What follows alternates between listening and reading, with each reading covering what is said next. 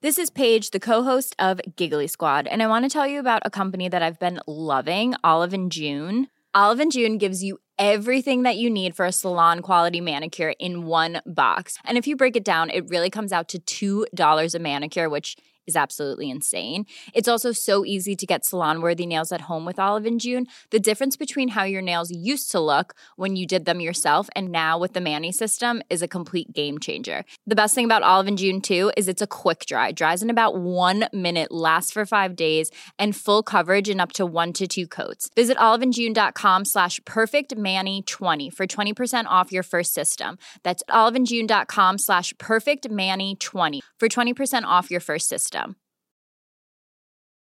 Millions of people have lost weight with personalized plans from Noom, like Evan, who can't stand salads and still lost 50 pounds. Salads, generally, for most people, are the easy button, right? For me, that wasn't an option. I never really was a salad guy. That's just not who I am. But Noom worked for me. Get your personalized plan today at Noom.com. Real Noom user compensated to provide their story. In four weeks, the typical Noom user can expect to lose one to two pounds per week. Individual results may vary. A lot can happen in the next three years. Like a chatbot may be your new best friend. But what won't change? Needing health insurance. United Healthcare Tri Term Medical Plans are available for these changing times. Underwritten by Golden Rule Insurance Company, they offer budget friendly, flexible coverage for people who are in between jobs or missed open enrollment. The plans last nearly three years in some states, with access to a nationwide network of doctors and hospitals. So, for whatever tomorrow brings, United Healthcare Tri Term Medical Plans may be for you. Learn more at uh1.com. Du lyssnar på LaxTon-podden. Spökjakt på riktigt. Mitt namn är Tony Martinsson. Och jag heter Niklas Laksonen. Tillsammans driver vi Sveriges främsta paranormala utredningsteam. LaxTon Ghost Sweden. Välkommen till LaxTon-podden Spökjakt på riktigt. Och eh, ja Niklas, nu har vi landat in i våran lilla, lilla, ja, ganska lilla studio. Eh, Väldigt utplockad studio. Men eh, vi sa i förra podden att vi kommer sitta i bussen men det blev inte av och eh, vi är lite sen med podden men vi kommer få ut den så fort vi, den Vi har kommit tillbaka till Sverige nu. Ja. Eh, och vi hade, vi åkte så mycket bil och vi har varit stentrötta här och vi kände bara nej, eh, vi kommer inte få till någon bra podd om vi ser ut som zombies och Mm. låter som zombies. Ja. Och, ja. Du känner det så? så kände jag mig. Ja, du sitter här helt likblek med bandage runt. kän- Alltså jag kan säga så här, när jag, du kom in på, vi hade ju en natt vi stannade bara på det där spat för att kunna duscha och Ja fixa till och så kollade jag mig i spegeln med så här fint ljus. Jag bara alltså allvarligt. Alltså så svart under ögonen. Bara, sov inte du? Nej. Mer död än levande. Nej men det såg för hemskt ut. Blek och helt mörk under ögonen. Fast blek är vi alltid. Jag vet. Det är Kiruna-brännan. Är alltså, man blir inte, oavsett hur mycket sol man får på sig. Nej. Vet inte fasen, det är som att man reflekterar bort det. Nej men det var så här, jag var tittade och bara så shit jag ser så jävla sjuk ut. Ja. Eh, men men. ja. Men nu är vi ändå tillbaka som sagt. Vi är ju i Borås också. Så Den här podden kommer ut lite senare än vanligt men eh, egentligen bara några timmar senare. Ja men det kommer ut samma dag så jag är ju superglad. Vi spelar in den i- nu här på torsdagen morgon och vi släpper den så fort den är färdig. Ja. Och eh, ni som har hängt med, ni har ju full koll på var vi har varit iväg och det är lite det dagens poddavsnitt ska handla om. Att vi kommer prata lite grann om vår resa i Polen. Ja. Och um, vilken resa. Jag vet inte var man ska börja riktigt för det var ju verkligen, eh, alltså vilken upplevelse. Alltså ni som inte har varit till Polen, åk dit. Ja herregud För ja. man trodde inte att det skulle vara så bra. Alltså så här, jag vet inte vad man tänkte riktigt. Man tänkte att vägarna kommer vara lite halvtaskiga. Um, och vi har ju varit i Polen innan men då Ja. flög vi till, till Warszawa va? Nej, eh, Krakow. Krakow med. Och sen åkte vi bara en liten bit bil. Men vi åkte ju nu faktiskt genom hela Polen. Ja. Alltså Ja. otroligt fint.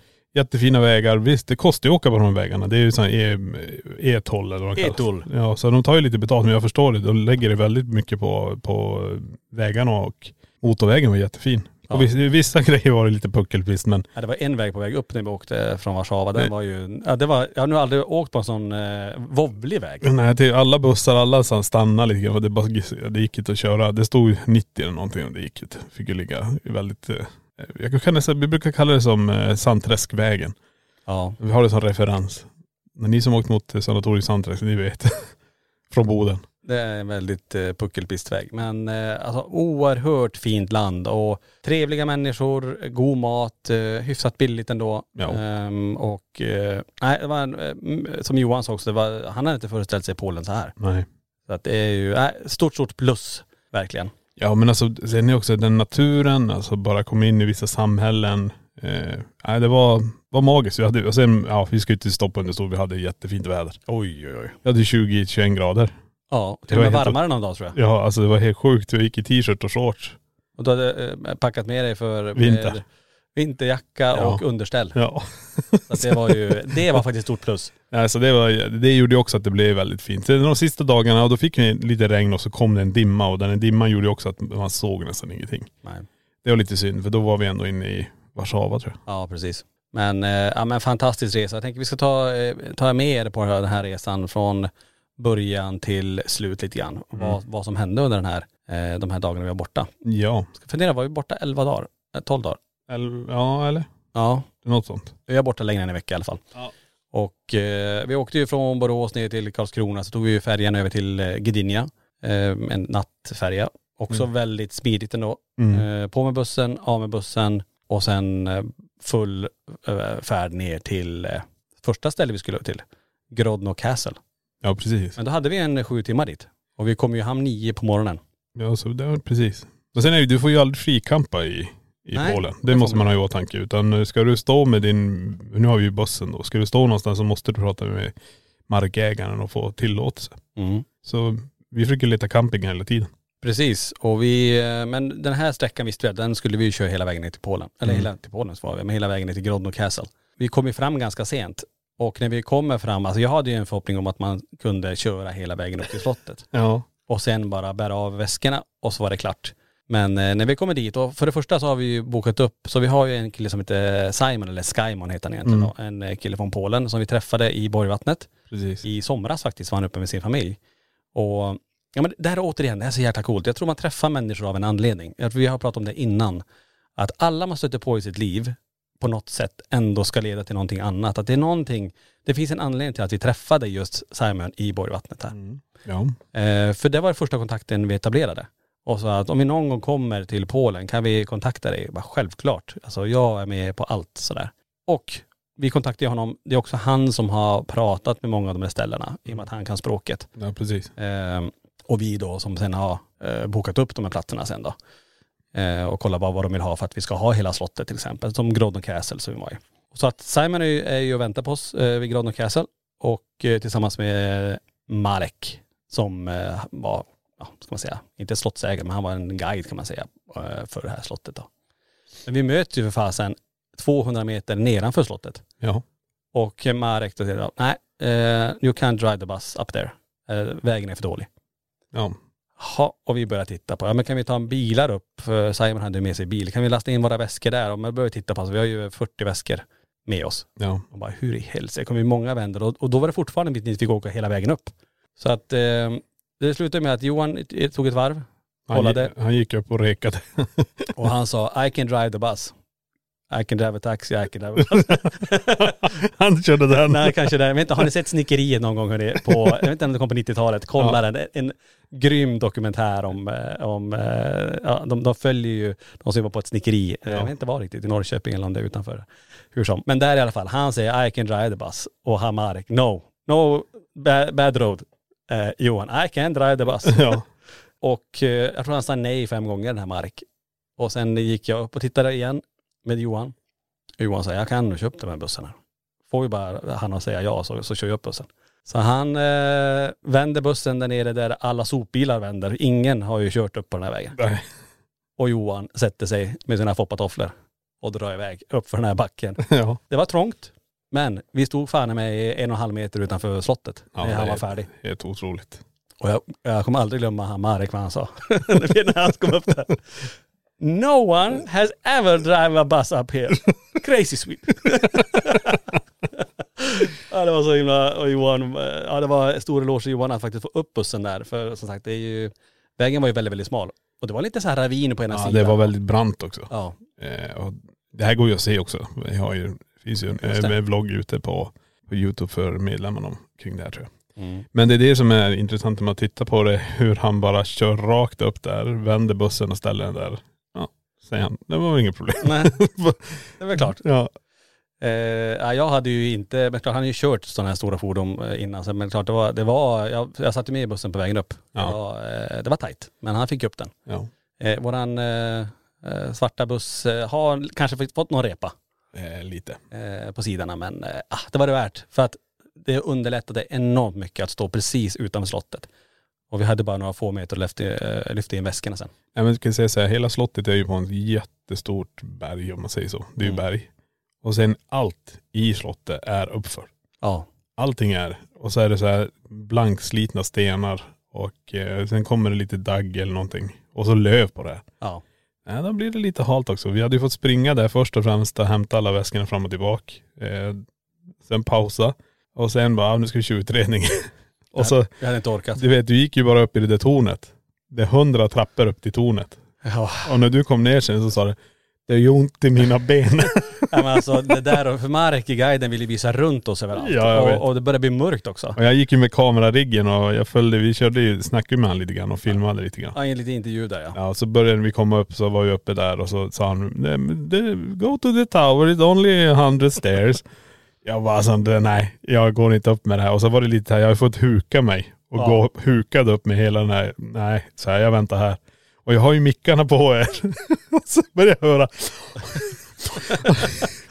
så här, och så hör jag när du står där uppe, jag får ju sändningen ner ändå. Ja. Oh, really, really, really. Det var så jäkla jobbigt och smalt och så många trappor, alltså upp till det här tornet. Sen, eh, när man väl var uppe så här, man tänkte vilken fin utsikt. Mm. Men det var ju beckmörkt när vi kom upp, det tog så lång tid så vi såg ingenting. Så jag såg några lampor och han började förklara så det är ingen idé, det är bättre att ta det här eh, När det är ljust. När det är ljust. Då visste jag, måste jag upp för en trappa igen. Ja, precis. Det var så jäkla många trappor och mina ben efter det här skakade. Ja, ja, ja. Alltså det var så, jag vet inte vad som hände. Nej men så här, vi kom ju, vi har ju kommit direkt från England. Vi har ju varit gjort utredningar och gått runt hur mycket som helst. Mm. Vi har ju som inte hunnit pausa. Det var ju bara slänga nya kläder i, i väskan och åka. Mm. Eh, alltså, sen bara uppför. Så jag gick ju hela vägen från de här 200 meterna upp med eh, Simon hela tiden och pratade och, och så här. Alltså mina ben. Ja. Alltså det brände ovanför knäskålarna så jag bara, alltså det här är ju helt sjukt. Nej, det var mycket uppför. Ja. Men de här som sagt, nej, det, men det var värt att gå upp dit självklart sen på dagen för det var ju jätte, jättefint. Ja. Alltså verkligen. Och det var ju som man fick köra en sån här, vad heter det, Stair, eh, stair trainer, vad heter de? Stairmaster. När man går, Stairmaster ja, Ja. precis. Så jävla tajt, tajt stjärt fick man av det här. Tajta, tajta lår. ja. Men det var eh, helt klart värt utsikten där uppe. Det var ju enormt fint när man väl kom upp på dag två då när vi var där och tittade runt. Ja.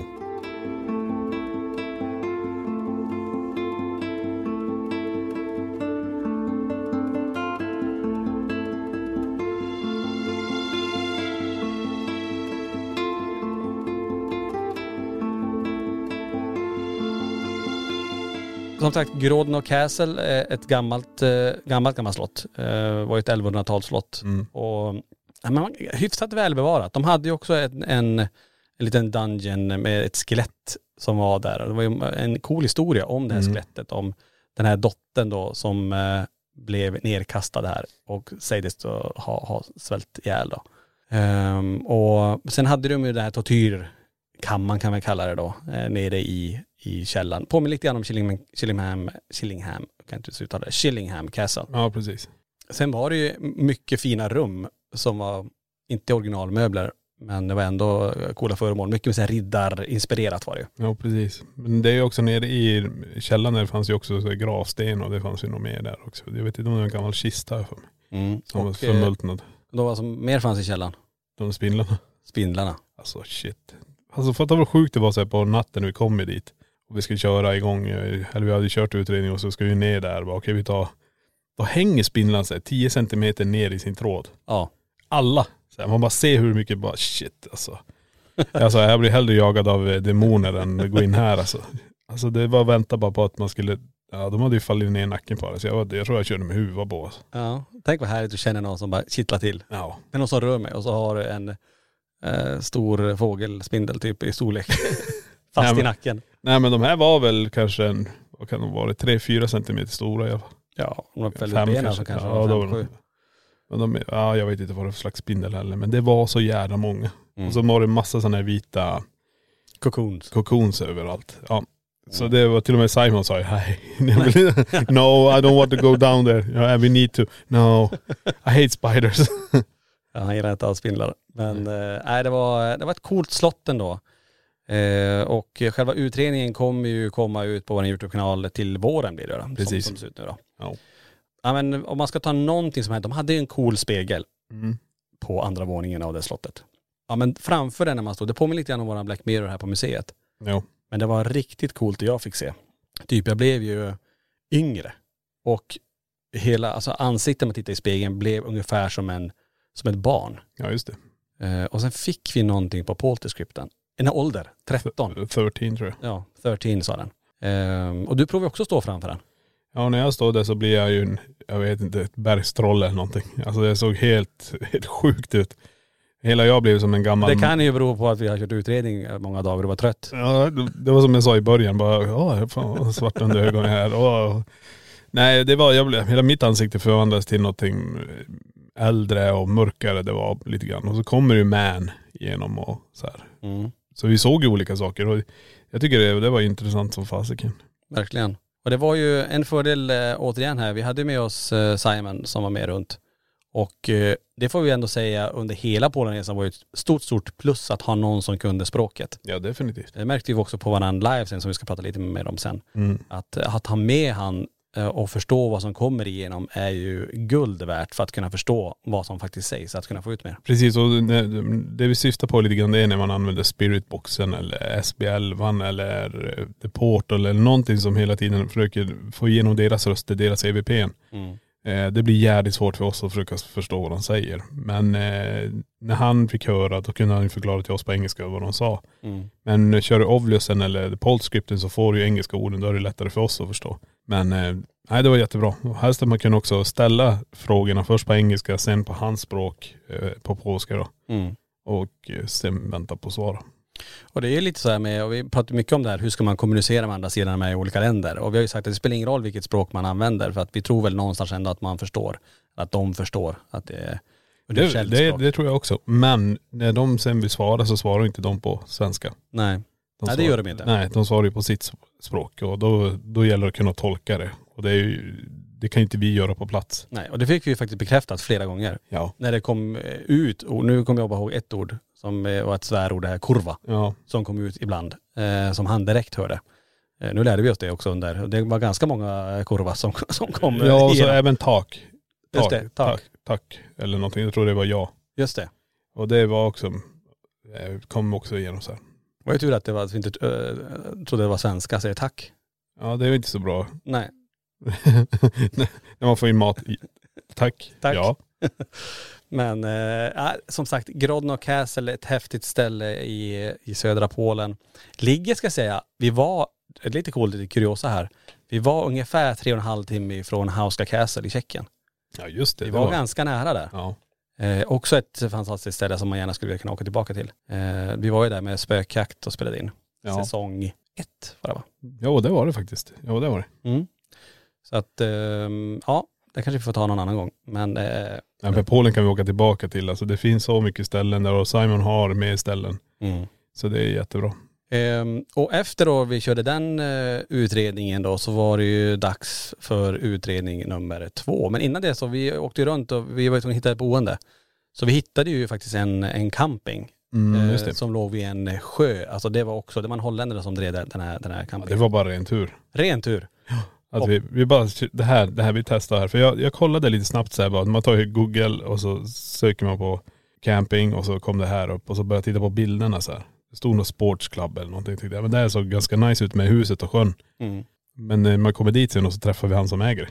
Det var ju tur att han var ju asskön. Verkligen. Ja, skithäftigt. Ehm, så att eh, då fick vi en plats precis vid sjön där va? Och, och varmt. Ja. Alltså himla härligt väder. Så det var ju perfekt. Ja.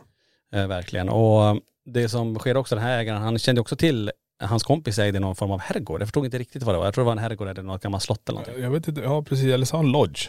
Lodge kanske han sa. Det är typ en eh, stuga eller timmerstuga. Jag vet inte. Ja. Eller kanske, det kanske är något annat. Men Ja, Han sa ju till oss att ja, men har ni tid så får ni jättegärna kontakta igen så kan ni utreda där. För där händer också jättemycket. de hade, det hade de ju hittat några gamla dokument, papyrusdokument typ, Just det. eh, från eh, andra världskriget va. Just det. Det stod någonting om den här familjen som hade det huset då. De var från ett ställe i Ho- Holland. Just det. Och eh, sen han snackade om slumpen där att han, sen köper hans kompis det över huset eller den här lodgen eller vad det nu var. På något sätt så kom papperna sen i hans ägo så han kunde ju sitta och översätta det. Men det var en gammal holländska sa han. Just det. Men det var så här helt sjukt. Han sa bara det, men där hörde de också massa grejer. Han sa det, de måste ju dit då. Mm. Ja, vi, sa, vi vi får ta nästa, nästa resa. Nästa resa. Eh, för det var ju väldigt eh, intensivt när vi väl var där. Att också hinna återhämta sig en dag emellan utredningarna. Precis. Och, och det var ju också kanske transportdagar. Ja. De här återhämtningsdagarna. Ja men precis så är det också. Vi ska ta oss mellan, mellan orterna.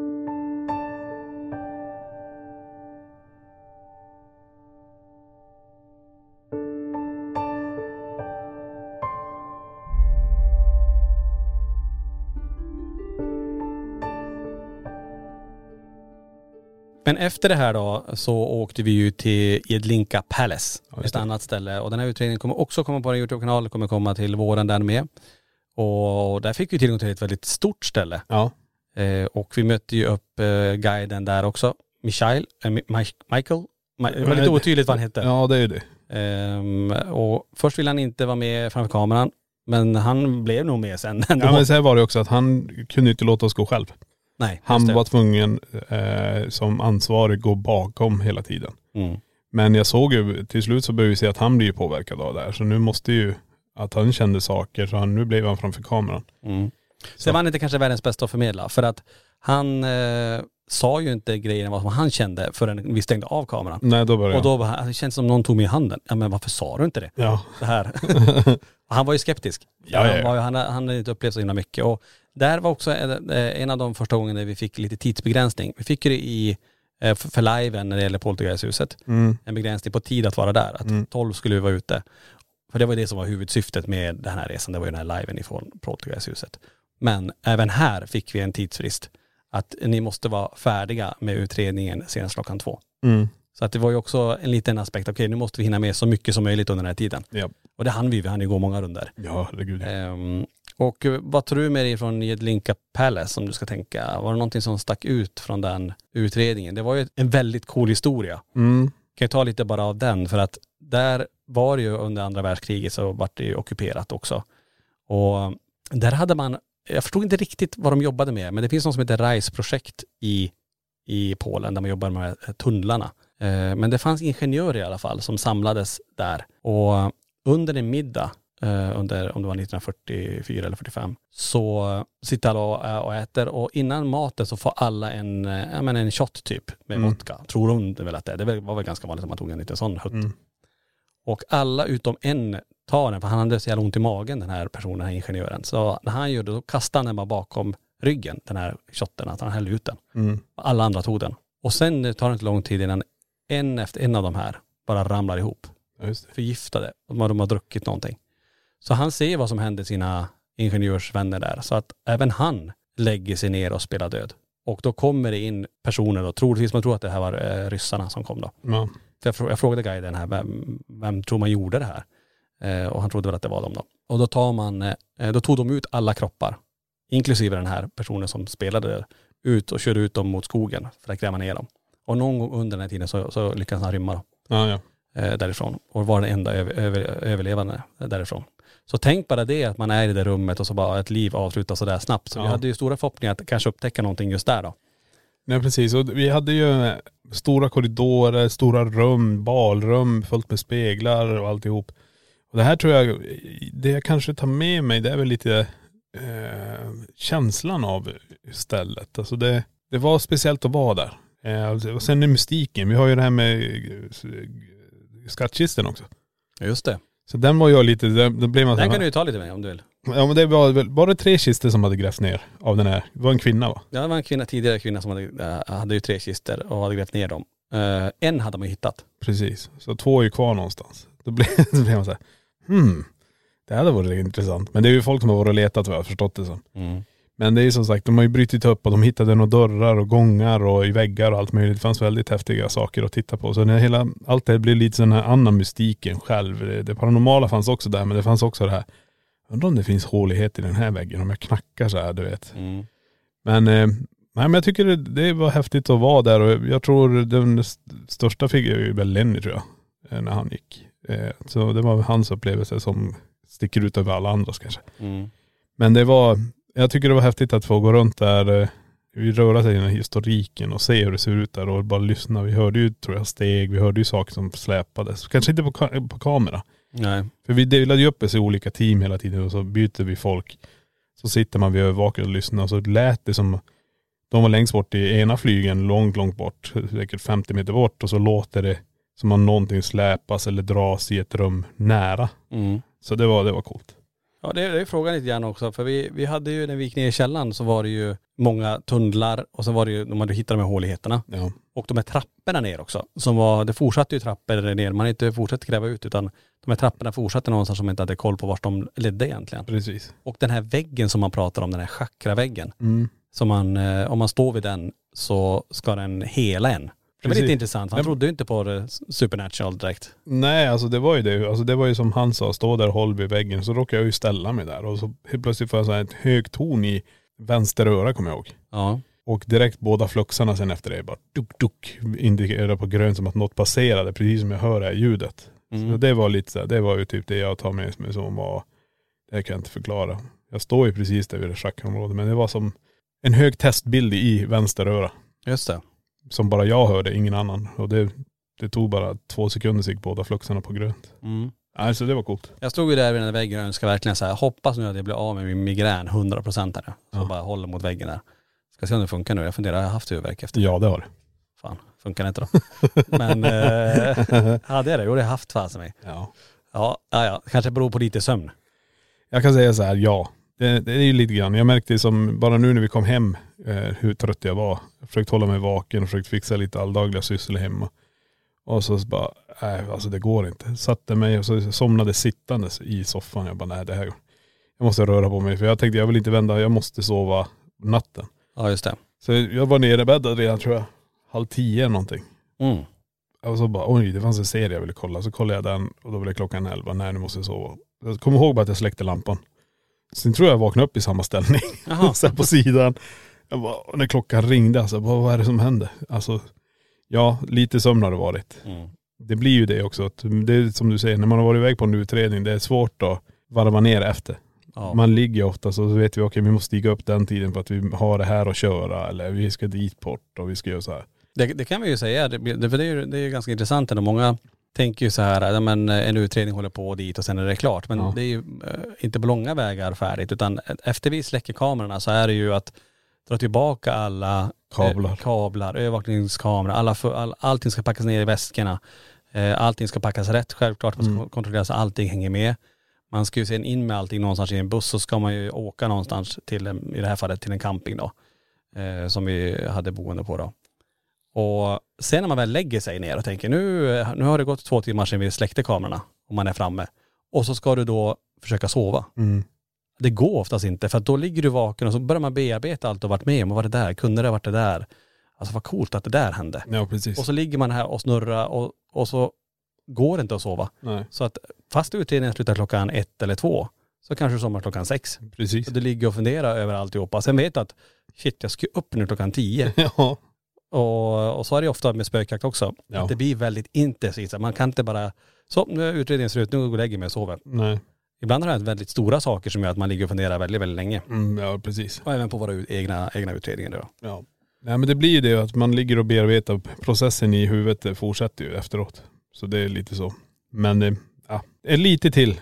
Sen får vi väl börja varva ner lite grann här. Mm. Eh, till det normala. Vara här. Vi är inne i den här intensiva perioden nu. Vi har pratat om det länge nu. Vi vet om den fortfarande. För vi är ju hemma nu ett par dagar. Vi kom ju i går kväll, eller igår, eh, inte igår kväll, på dagen var vi faktiskt. Mm, precis. Och, eh, och vi är hemma fyra dagar. Sen åker vi ju till England igen och spelar in de två sista avsnitten till säsong fem spökjakt då. Precis. Sen har vi faktiskt ingen resa inplanerad förutom då, det är ju Nyhammar, eh, Ja. liven därifrån. Folkets hus, jag tänkte det får vi också prata om lite senare. Eh, men det är ju en jävligt cool grej att åka tillbaka till Folkets hus Nyhammar som vi gjorde för flera år sedan. Ja. Ehm, och sen då i december, andra december, då drar vi iväg till Tallinn på den här 40 timmars kryssningen. Spökjakt cruise. Ja just det. Åh, det blir så himla kul att åka Ja. på den. eh, och träffa alla er. Hoppas ni som lyssnar på det att ni ska med på den resan. Alltså det blir ju föreläsningar, storseanser, det blir party om man vill det. Det är eh, tatuerare ombord om man vill eh, gadda sig. Ja. Eh, det är ju så, så mycket folk som åker och alla, alltså det blir som ett stort community verkligen. Med så mycket, alltså så många intresserade som åker på samma båt. Mm. Superkul. Ja, men det är ju nice.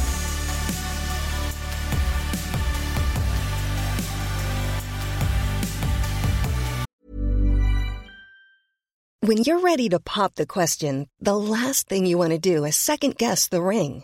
At Bluenile.com, you can design a one of a kind ring with the ease and convenience of shopping online. Choose your diamond and setting. When you find the one, you'll get it delivered right to your door. Go to Bluenile.com and use promo code LISTEN to get $50 off your purchase of $500 or more. That's code LISTEN at Bluenile.com for $50 off your purchase. Bluenile.com code LISTEN. There's never been a faster or easier way to start your weight loss journey than with PlushCare. PlushCare accepts most insurance plans and gives you online access to board-certified physicians who can prescribe FDA-approved weight loss medications like Wigovi and Zepbound for those who qualify. Take charge of your health and speak with a board-certified physician about a weight loss plan that's right for you. Get started today at plushcare.com slash weight loss. That's plushcare.com slash weight loss. plushcare.com slash weight loss.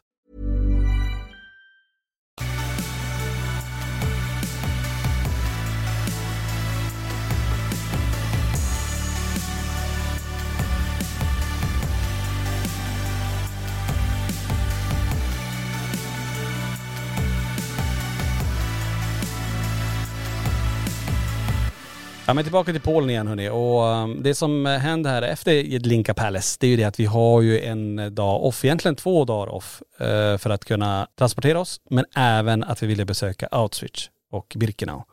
Och dit åker vi ju allihopa, tar en guidad tur och går runt här och det får jag säga, det var jag tycker alla ska åka dit, verkligen. Alltså det var eh, så, en sån laddad plats, eh, självklart. Och eh, många säger, åk dit och gör en utredning. Aldrig säger jag. Aldrig Det här är, det är för, för laddat, för, för, för många tragiska öden. Eh, tänk om man ens skulle haft en tanke på en utredning där, hur många som hade kommit, alltså hur många som hade kommit igenom. Och vilken, alltså, Ja det alltså, miljoner människor som, som dog. Ja men alltså man vill liksom inte, jag vill inte veta. Alltså Nej. på ett sätt får du ändå reda på det. Hur det var alltså, in här, Ja. gasas ihjäl. Eller gör det här, dö ändå. Eh, Du jobbar ihjäl dig. Men det, det blir som att jag vill inte veta det på, höra deras röster. Nej. Eh, Det hade varit för mycket. Men det är som sagt, du och jag har till och med respekt för kyrkogårdar. Vi går inte in där och Nej. utreder heller utan. Ödeskyrkogården var ju Jackavälla. Ja men den existerar ju nästan inte. Nej. Det finns inga gravstenar, vi vet om att de har legat där. Vi ser bara om det är energier som är kvar där eller om de har förflyttat sig. Akamälla är ju ett ställe vi har varit på. Mm. Men eh, nej, här vanliga kyrkogårdar det, det undviker vi lite grann. Ja. Nej men det är också någonting att verkligen rekommendera att åka till, till det här stället. Även fast man tycker att det är väldigt jobbigt och det är ju tragiskt att se allt det här verkligen. Eh, Alltså alla skor, väskor, till och med hår på personerna som tyvärr eh, man gasade ihjäl. Alltså det var fruktansvärt. Ja men nu du menar med hår också, det är att tyskarna tog håret från alla kvinnor och gjorde tyger av det. Ja. Det är helt jävla sjukt. Ja och den bilden som satt sig fast också, förutom det visuella där man såg, det var ju också den här, det ett foto där en general står med och pekar höger eller vänster med tummen. Ja. Ja, pekade han vänster, då skulle du gå direkt till gaskammaren. Ja. Och det var ju de äldre, det var kvinnor och kvinnor som var gravida Ja. och eh, barn som Visst. fick gå alltså direkt från tåget in till gaskammaren i, i tro att de skulle duscha. Ja. Och bara där tänker man ju det, för det var ju också fruktansvärt. Eh, eh, det tänkte inte jag på, men Simon berättade det, han som eh, var med oss under den här resan, att eh, det var ju massa klösmärken inne i gaskammaren på väggarna. Ja. Jag såg ni dem? Alltså, jag var tur att jag inte såg dem. Alltså fruktansvärt att tänka att man ska duscha och så blir man, eh, så dör man på det där sättet. Precis. Nej, Och generationer som försvann. Alltså det där är en sån, och, så är det verkligen, verkligen rekommendera. Det är jobbigt att vara där, men en sån viktig historia som aldrig får glömmas bort. Nej precis, och ha det i åtanke att det här är ju något som har hänt. Något som verkligen, verkligen har hänt. Precis. Och det är det det handlar om, att gå där och förstå förhållandena, hur det var. Det är svårt att sitta kanske på en historielektion i skolan och titta och jag försöker, tycker det är lite obehagligt men när du väl är där, Ja. sen du får se hur stort det var, inse hur mycket folk det var. Eh, Jag menar det här var bara drygt 80 år sedan. Ja, det är helt jävla sjukt. Det, är ju- alltså, det har inte gått så länge. Så att det var, och områdena, alltså Birkerna var ju ännu större. Mm. Som kunde ta emot uppemot 100 000. Alltså det var, man såg nästan inte slutet på, åt sidorna. Det var Nej. så himla stort område som var inhägnat. Ja. Och just det här med stängslen som var av el. Kom du fram till stängslet och rörde då, då stendog du ju. ja, du hade ju, det var ju två meter till stängslet. Var du vid den gränsen sköt de ju. Ja. Nej, det Då, var, då tog de, då öppnade de bara och sköt det på plats. ja. Och se de med barackerna, hur de levde, hur de eh, fasade sig. Alltså det var fruktansvärt egentligen. Men som sagt, och det var, jag vet, det var flera sällskap. Vi var ju, vi var ju en guidad grupp, men vi mötte ju många andra grupper också. Mm. Men att möta andra grupper som kom ut ifrån eh, mm, The Wall of Death till exempel, där de sköt Ja precis. väldigt många. Kom ut gråtandes Mm. där, för det var så himla alltså, laddat. Ja. Ehm, och, eh, och den guiden vi hade var väldigt bra också, för hon hade ju sin farbror, två farbröder som var med. Mm, som Som, eh, en hittade hon i registren om att han var, faktiskt blev skjuten där, Ja, men den andra hittade man ju aldrig. nej just det. Och så många hon berättar som inte blev registrerade. Utan de bara hoppade på ett tåg, åkte direkt och gasades. Och sen kremerades då. Precis. Utan att föra någon form av register. Så att det här talet de pratar om, den officiella siffran, det är ju bara de registrerade. Ja. Mörkertalet är ju mycket, mycket större. Ja, nej, för tyskarna hann ju förstöra massa dokument. Ja. Så det är det de har dokumenterat. För att alla blev ju fotade. Till en Eh, början. Till en början. Men sen började de inse att personer liknar inte personer på fotot när de kom. Så därför fick man tatueringar. Och det var väl på Auschwitz var det. Ja, precis. Så alla som satt på Auschwitz fick tatuering istället. Mm. Ja nu gick jag över till lite mörkare, Ja, tragiska. Men det är så här, det, vi, vi passade på att gå igenom den här historiken vi ändå var det. För att vissa av de här ställena hade lite grann med tyskar att göra. Så det var lite så. Eh, Du tänker på platserna vi utredde sen? Ja, ja. precis. Och det hade vi ju i Poltergeisthuset till exempel, hade vi lite kopplingar. Vi fick igenom lite grann det, att det var kopplat lite till Auschwitz. Eh, någonting där. Det var någon, mm, jag vet att Sky, vi ska se när vi analyserar här hur kopplingen blev. Ja, Men eh, att vi fick någonting, att den sa ja eh, under en sån fråga om just Auschwitz. precis. Och efter då det här, den här guidade turen det, så var det ju sen dags då för den stora livesändningen ifrån Poltergeisthuset i Mm. Polen. Och den här, har ni inte sett den, den finns ju fortfarande då på hemsidan. Om man går in där så kan man hitta den, eh, liven. Och det är ju tre timmar direktsändning därifrån. Wow, säger jag bara. Vilket hus. Ja, Eh, det är en speciell känsla att gå in där. Och förhoppningarna var ju väldigt, väldigt stora med tanke på vad vi var med om innan. Med höga smällar, saker som kastades. Det, det som var synd var väl det att det, man önskar alltid att något riktigt, riktigt stort händer, som jag alltid säger. ja, Eh, nu var det mer en känsla i huset som var svårt att sätta fingret på egentligen. ja. Vi fick ändå med oss en del intressanta saker, framförallt via kommunikation. Vi körde ju på med den eh, liven och vi sände ju ända fram till ja, drygt eh, kvart i elva där då. Eh, För vi har ju den sista timmen för våra medlemmar då, guld och platina-medlemmar på kanalen då. Och eh, ja, men det kändes ändå som eh, vi fick med oss en, en bra, spännande utredning eller en bra live. Mm. Eh, utan kanske att det vart de här riktigt stora, stora eh, händelserna. Men de som tittade tyckte de var väldigt, väldigt bra. Nej men det är ju det, vi är ju på den här laddade platsen och vi säger ju det att vi vet ju inte, ibland så händer det och ibland så händer det inte. För att det handlar ju om att kanske den dag vi var där med spökjakt kan det vara lite att det var då det var som mest laddat. Eh, och eh, ja, nej, det, jag, jag tyckte det var skitbra. Vi fick bra resultat. Mm. Så här är det ju också, det är ju exakt det du säger Niklas, det här med att det, det är inte alltid allting händer. Det är många som, och det är en del nya som för första gången såg en, en direktsändning. Sa ju det, men det hände ju ingenting här. Eller att det, man väntar i en minut och så, men det händer ingenting. Eller två minuter, men det händer ingenting. Ja. Jo men hallå, det är ju så här det är. Alltså, Ja. allt, alltså hade det varit att det hela tiden är någonting, det är som att ta vilket, eh, vilken jakt, om jag får kalla det som helst, en älgjakt eller en, ett fiske eller vad det är. Det är inte alltid du får napp, att det är fiskar som hugger på kroken hela tiden. Du får ju sitta ibland i flera timmar och vänta på Ja, en enda fisk. Ja. Eller om du jagar älg eller annat du håller på och jagar så är det så att det är inte att det springer en älg framför, eh, framför dig hela tiden. Eh, Men det är, ju, det är ju svårt när det gäller just det här med spökjakt. Att det, vi kan ju inte bestämma när saker ska ske. Utan det sker ju när det sker. Och det handlar om timing. Det handlar om att vara på rätt plats i rätt tillfälle och bara ha tålamod. Verkligen. Och det är väl där ibland man kan känna under livesändningarna att man kanske inte riktigt har det tålamodet. Ibland hade vi nästan bara velat sitta ner i en kvart i alla fall Mm. vara helt tysta och inte säga ett ord och bara lyssna in huset. Ja. Men där är det ju många som tittar som att, ja men nu händer ingenting. Nej. Men eh, det är inte alltid det händer. Man får vara medveten om det. Det är ju den känslan som man ändå har att tänk om det händer. Det är den som är spännande. Ja.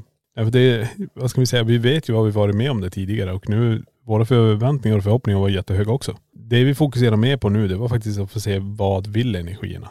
Det är därför jag hade med Simon också, så använda spiritboxen, få ut orden, berätta. Är barnen kvar här? Men vi har någonting mörkt där som till och med kan, alltså den, vad ska man säga, den growlar tillbaka till oss. Ja just det. I riktigt mörk, mörk, mörk röst. Alltså det, så det är någonting annat som rör sig där. Jag menar, alla i byn vet om det här huset. Ja. Alla vet om att det är över 50 familjer eller 30 familjer som har flytt därifrån. Så det, det, det finns en historik kring det här. Mm. Och eh, det finns väl ingen rök utan eld om man säger så. Och vi är där. Men just den här dagen kanske det var, nej det ligger lågt. Vi ska inte skylta med att vi är kvar här. Nej, Vi försökte på alla sätt, allting som går. precis. Och vi har ju, vi fick igenom ett namn under liven när de pratade om Theodor. Theodor ja. Och dag eh, två när vi vi gick runt lite och pratade med lite folk, så var det en äldre herre där som satt, som eh, började prata direkt om att den första ägaren hette Theodor Ja just det. och hans son hette också Theodor. Så det var intressant. Ja. Eh, att vi ändå fick det bekräftat på något vis, att det kanske är han som är kvar där. Nej, som sagt, det var, det var en, en spännande live och, som sagt, vill ni titta på den så finns det ju fortfarande att titta på. Mm. Eh, då går man ju bara på vår hemsida. Men det är det jag tänker också så här, när vi gör de här, alltså det, vi kan, vi gillar ju att sitta och lyssna. Vart drar det igång nu? Vad får vi för smällar? Hur låter huset? Eh, under en live så går vi in och står i huset och försöker förstå hur huset låter också.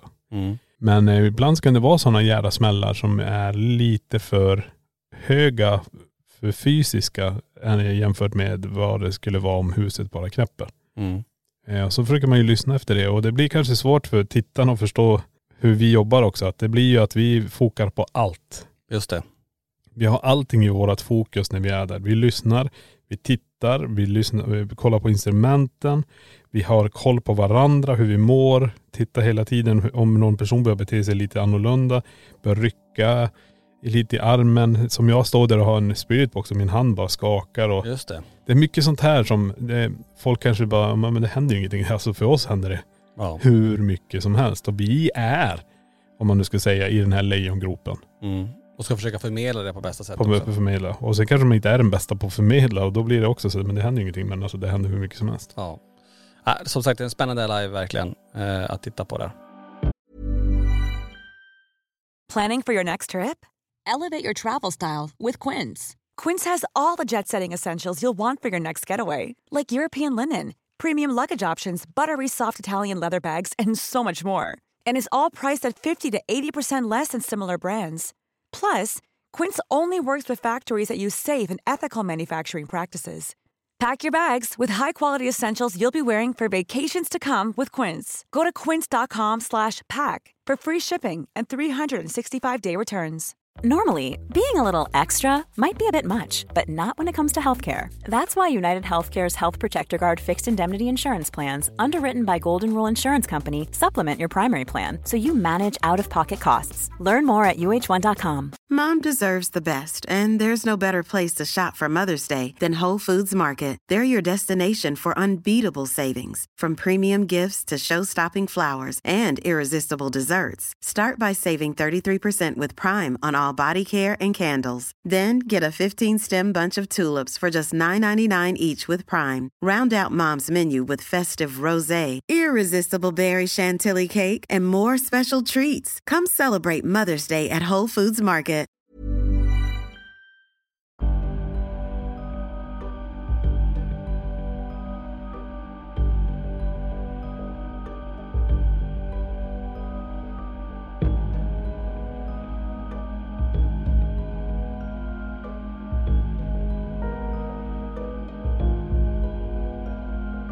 Och efter den här liven, ja, då var det dags för hemresa. Vi var ju ganska långt ner söderut i Polen då. Så Ja. att då åker vi upp och har delmål. Det är ju Warszawa.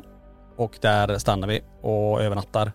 Eh, skönt att få en dag ändå med bara resa och egentligen inte så mycket mer just då utan bara försöka koppla av. Ja. Eh, och landa lite grann i allt som jag varit med om under den här resan. Efter den dagen så var det ju sen att åka från Warszawa upp till Gdynia och sen ta färjan över då. Precis. Så att det var ju varit egentligen två, två resdagar. Men eh, en sån upplevelse, så häftigt att få, få vara som sagt i Polen och få göra, och så att vi kommer komma tillbaka. Ja, ja. Helt klart. Och eh, jag tror eh, med den kontakten vi har med Simon nu så kommer han, när vi åker till Polen, förhoppningsvis vara med. Jag hoppas i alla fall. Ja, ja, det tror jag också. Ja. Och är det nu så, för det är många som hör av sig eh, och frågar sig, men vi vill också åka till Poltergeisthuset. Hur, hur gör vi? Hur bokar man det här huset? Ja. Eh, ta i så fall och kontakta oss. Ja. Ehm, så ska vi se om vi kan förmedla eh, kontaktuppgifterna till eh, han som äger huset. Mm. Så kan vi ta den den vägen. Ja, precis. Men nu då, vad händer framöver? Vi drar ju iväg nu på eh, nästa livesändning, direktsändning. Och det är ju den 25 november. Innan det så ska vi också åka iväg och spela in lite med spökjakt för. Ja, vi har lite den resan Ja, den också. Ja, jag, hoppas Det, det, det, det är slutet av vår intensiva period, som Ja. jag ser i alla fall. Eh, och när vi menar intensiv, då är det så här, oh, bra nu är vi på hemmaplan igen. Eh, kunna fokusera på de andra projekten. Eh, men sen är det ju då liven, Folkets hus Nyhammar. Mm, Det är ett tag sedan vi var där. Eh, vi hade ju sist vi var så var ju tjejerna med. just det. Eh, och det var ju jävla, jag tyckte det var rätt häftigt. Vi hade ju den här salongen, biosalongen och jag vet, det här EVP som kom igenom när du står uppe på, på scenen. Är det något annat du vill Tony? Mm. Den är ju klockren. Eh, så jag tycker det, det hände lite coola saker. Då var det en slags intelligens i energin där. Men vi får se. Det kan ha förändrats. Verkligen. Eh, sen kan ju vi komma in med lilla mörkret som går runt oss också och se vad som händer. Ja, och när vi står på, på scenen med det här äh, skynket som är där också, man känner hur någonting äh, tar på en bakifrån så här på kroppen. Det var, Ja. det var en häftig upplevelse. Det ska vi se om det händer igen då. Ja. Så att den 25 november, eh, om ni vill, då kör vi nästa eh, direktsända spökjakt eh, från Folkets hus då. Jo. Och det är kul med de här blandningarna av objekt, för man vet ju inte riktigt vad som kommer hända. Även här, man tänker nu är vi tillbaka till Sverige, kommer det hända lika mycket? Vi vet ju inte. Nej. Eh, det är kanske här det, det mest, mest fantastiska händer. Precis. Så det blir intressant att se vad som händer under, under den kvällen då. Ja. Vi glömde faktiskt det också. Det hände ju en del andra saker under resan i Polen. Vi var med i landet runt till Ja, exempel. just det, ja, I ett litet reportage. Vi var med i en intervju där. Ehm, och eh, pratade lite grann om, ja, men lite blandat om just eh, den här tiden, den mörka tiden som är just nu och vad vi håller på med och eh, lite om Borgvattnet också. Precis. Och parallellt till Borgvattnet så hade vi ju det halloweenfirandet där uppe första gången. Eh, också en jättesuccé, får jag säga tack till alla som åkte dit. Ja just det, det var Eh, jävligt mycket folk. Eller hur? Ja. Och um, det ska vi definitivt köra igång eh, och fortsätta med nästa år. Mm. Och sen har vi då ehm, här på museet nu då så är det ju för första gången vi testar en natt på museet där alla som kommer nu, det är faktiskt eh, imorgon fredag. Då kommer man komma hit från 22.30 ända fram till 06.00. Precis, och det här är ju bokade platser då. Ja, inga drop-in-tider utan då bokar man sina platser Ja. Och det enda man får med sig det är ett ljus och gå runt här inne. ja ett elektroniskt ljus. Det ska vi se också. Ja så att.. Inte elda ner hela museet. Nej precis. Ett elektroniskt ljus så får man gå runt här eh, och gå runt i en och en halv timme. Mm. Det kan bli intressant att se vad som händer. Ja det, vi, vi kan ju säga så här att vi har ju föremål som har kommit in Mm. eh, lite grann och de ligger inte framme just nu. Eh, vi ska utvärdera de här, vi ska testa dem i paranormala experiment i rummet. Vi har, eh, vi har ju varit och rest mycket nu så vi har inte kunnat göra det här men vi har samlat dem eh, och vi får ju se, vi fick ju nu senast har vi väl mer från Polen lite grann. Just det. Så vi får se vad som händer här eh, när det kommer in mer och mer eh, nya saker här. Mm. Kan Spännande. det påverka? Ja, definitivt. Ja. Äh, så det blir spännande. Så det är det som ligger här i närtid. Och ja, mycket media har vi varit i kontakt med också. Du var ju med i en intervju eh, som kommer sändas idag också. Tror jag det Ja, var. Precis, Puls FM här i Borås. Just det. Och vi vet ju att våra, en del av våra objekt från museet är ju på en turné tillsammans med Spöktimmen. Ja just det. Eh, så de sänder ju eh, på, från olika orter. Mm. Eh, gå gärna och lyssna på dem. Vi fick ju en sån himla cool berättelse skickat till oss på en som hade varit på en av de här. Ja just det. Vi har ju den här buktalardockan Eddie är ju med på den här turnén. Och eh, vid ett tillfälle när de står framför den här monten då så reagerar utrustningen, för de har med en PRP där också. Utrustningen reagerar samtidigt som hans käke faller ner framför de som står där. Ja galet. Det var lite coolt också. Ja. Ehm, så att, du menar käke, det är ju din buktalardocka och den är lös för förra ägaren var tvungen att bryta sönder den där käken på något vis för att han hörde röster från den här. ja, Den pratade till honom hela tiden. så han slet sönder anordningen till den där. Ja. Så att, eh, så häftigt ändå och eh, kul att höra vad ni har varit med om, eh, ni som har varit och lyssnat på Spöktimmens podcast. Mm. Ja, nu har ni fått en liten quick update vad som har hänt då när ni var iväg i Polen och då vet ni om då som sagt det som ligger närmast till hands det är ju Englandsresan Mm. som vi åker iväg på om ett par dagar. Sen har vi ju liven ifrån eh, Folkets hus i Nyhammar Precis. den 25 november och sen drar vi iväg på spökjaktscruise den 2 december till Tallinn. Ja. 40 timmars kryssningen. Wow. Den blir galen. Galet, galet bra. Galet, galet. Ja hörni, vi får säga tack för att ni lyssnat på den här podden. Ja. Och eh, hoppas att vi hörs i nästa vecka, LaxTon-podden Spökjakt på riktigt. Tack för att du har lyssnat på LaxTon-podden Spökjakt på riktigt.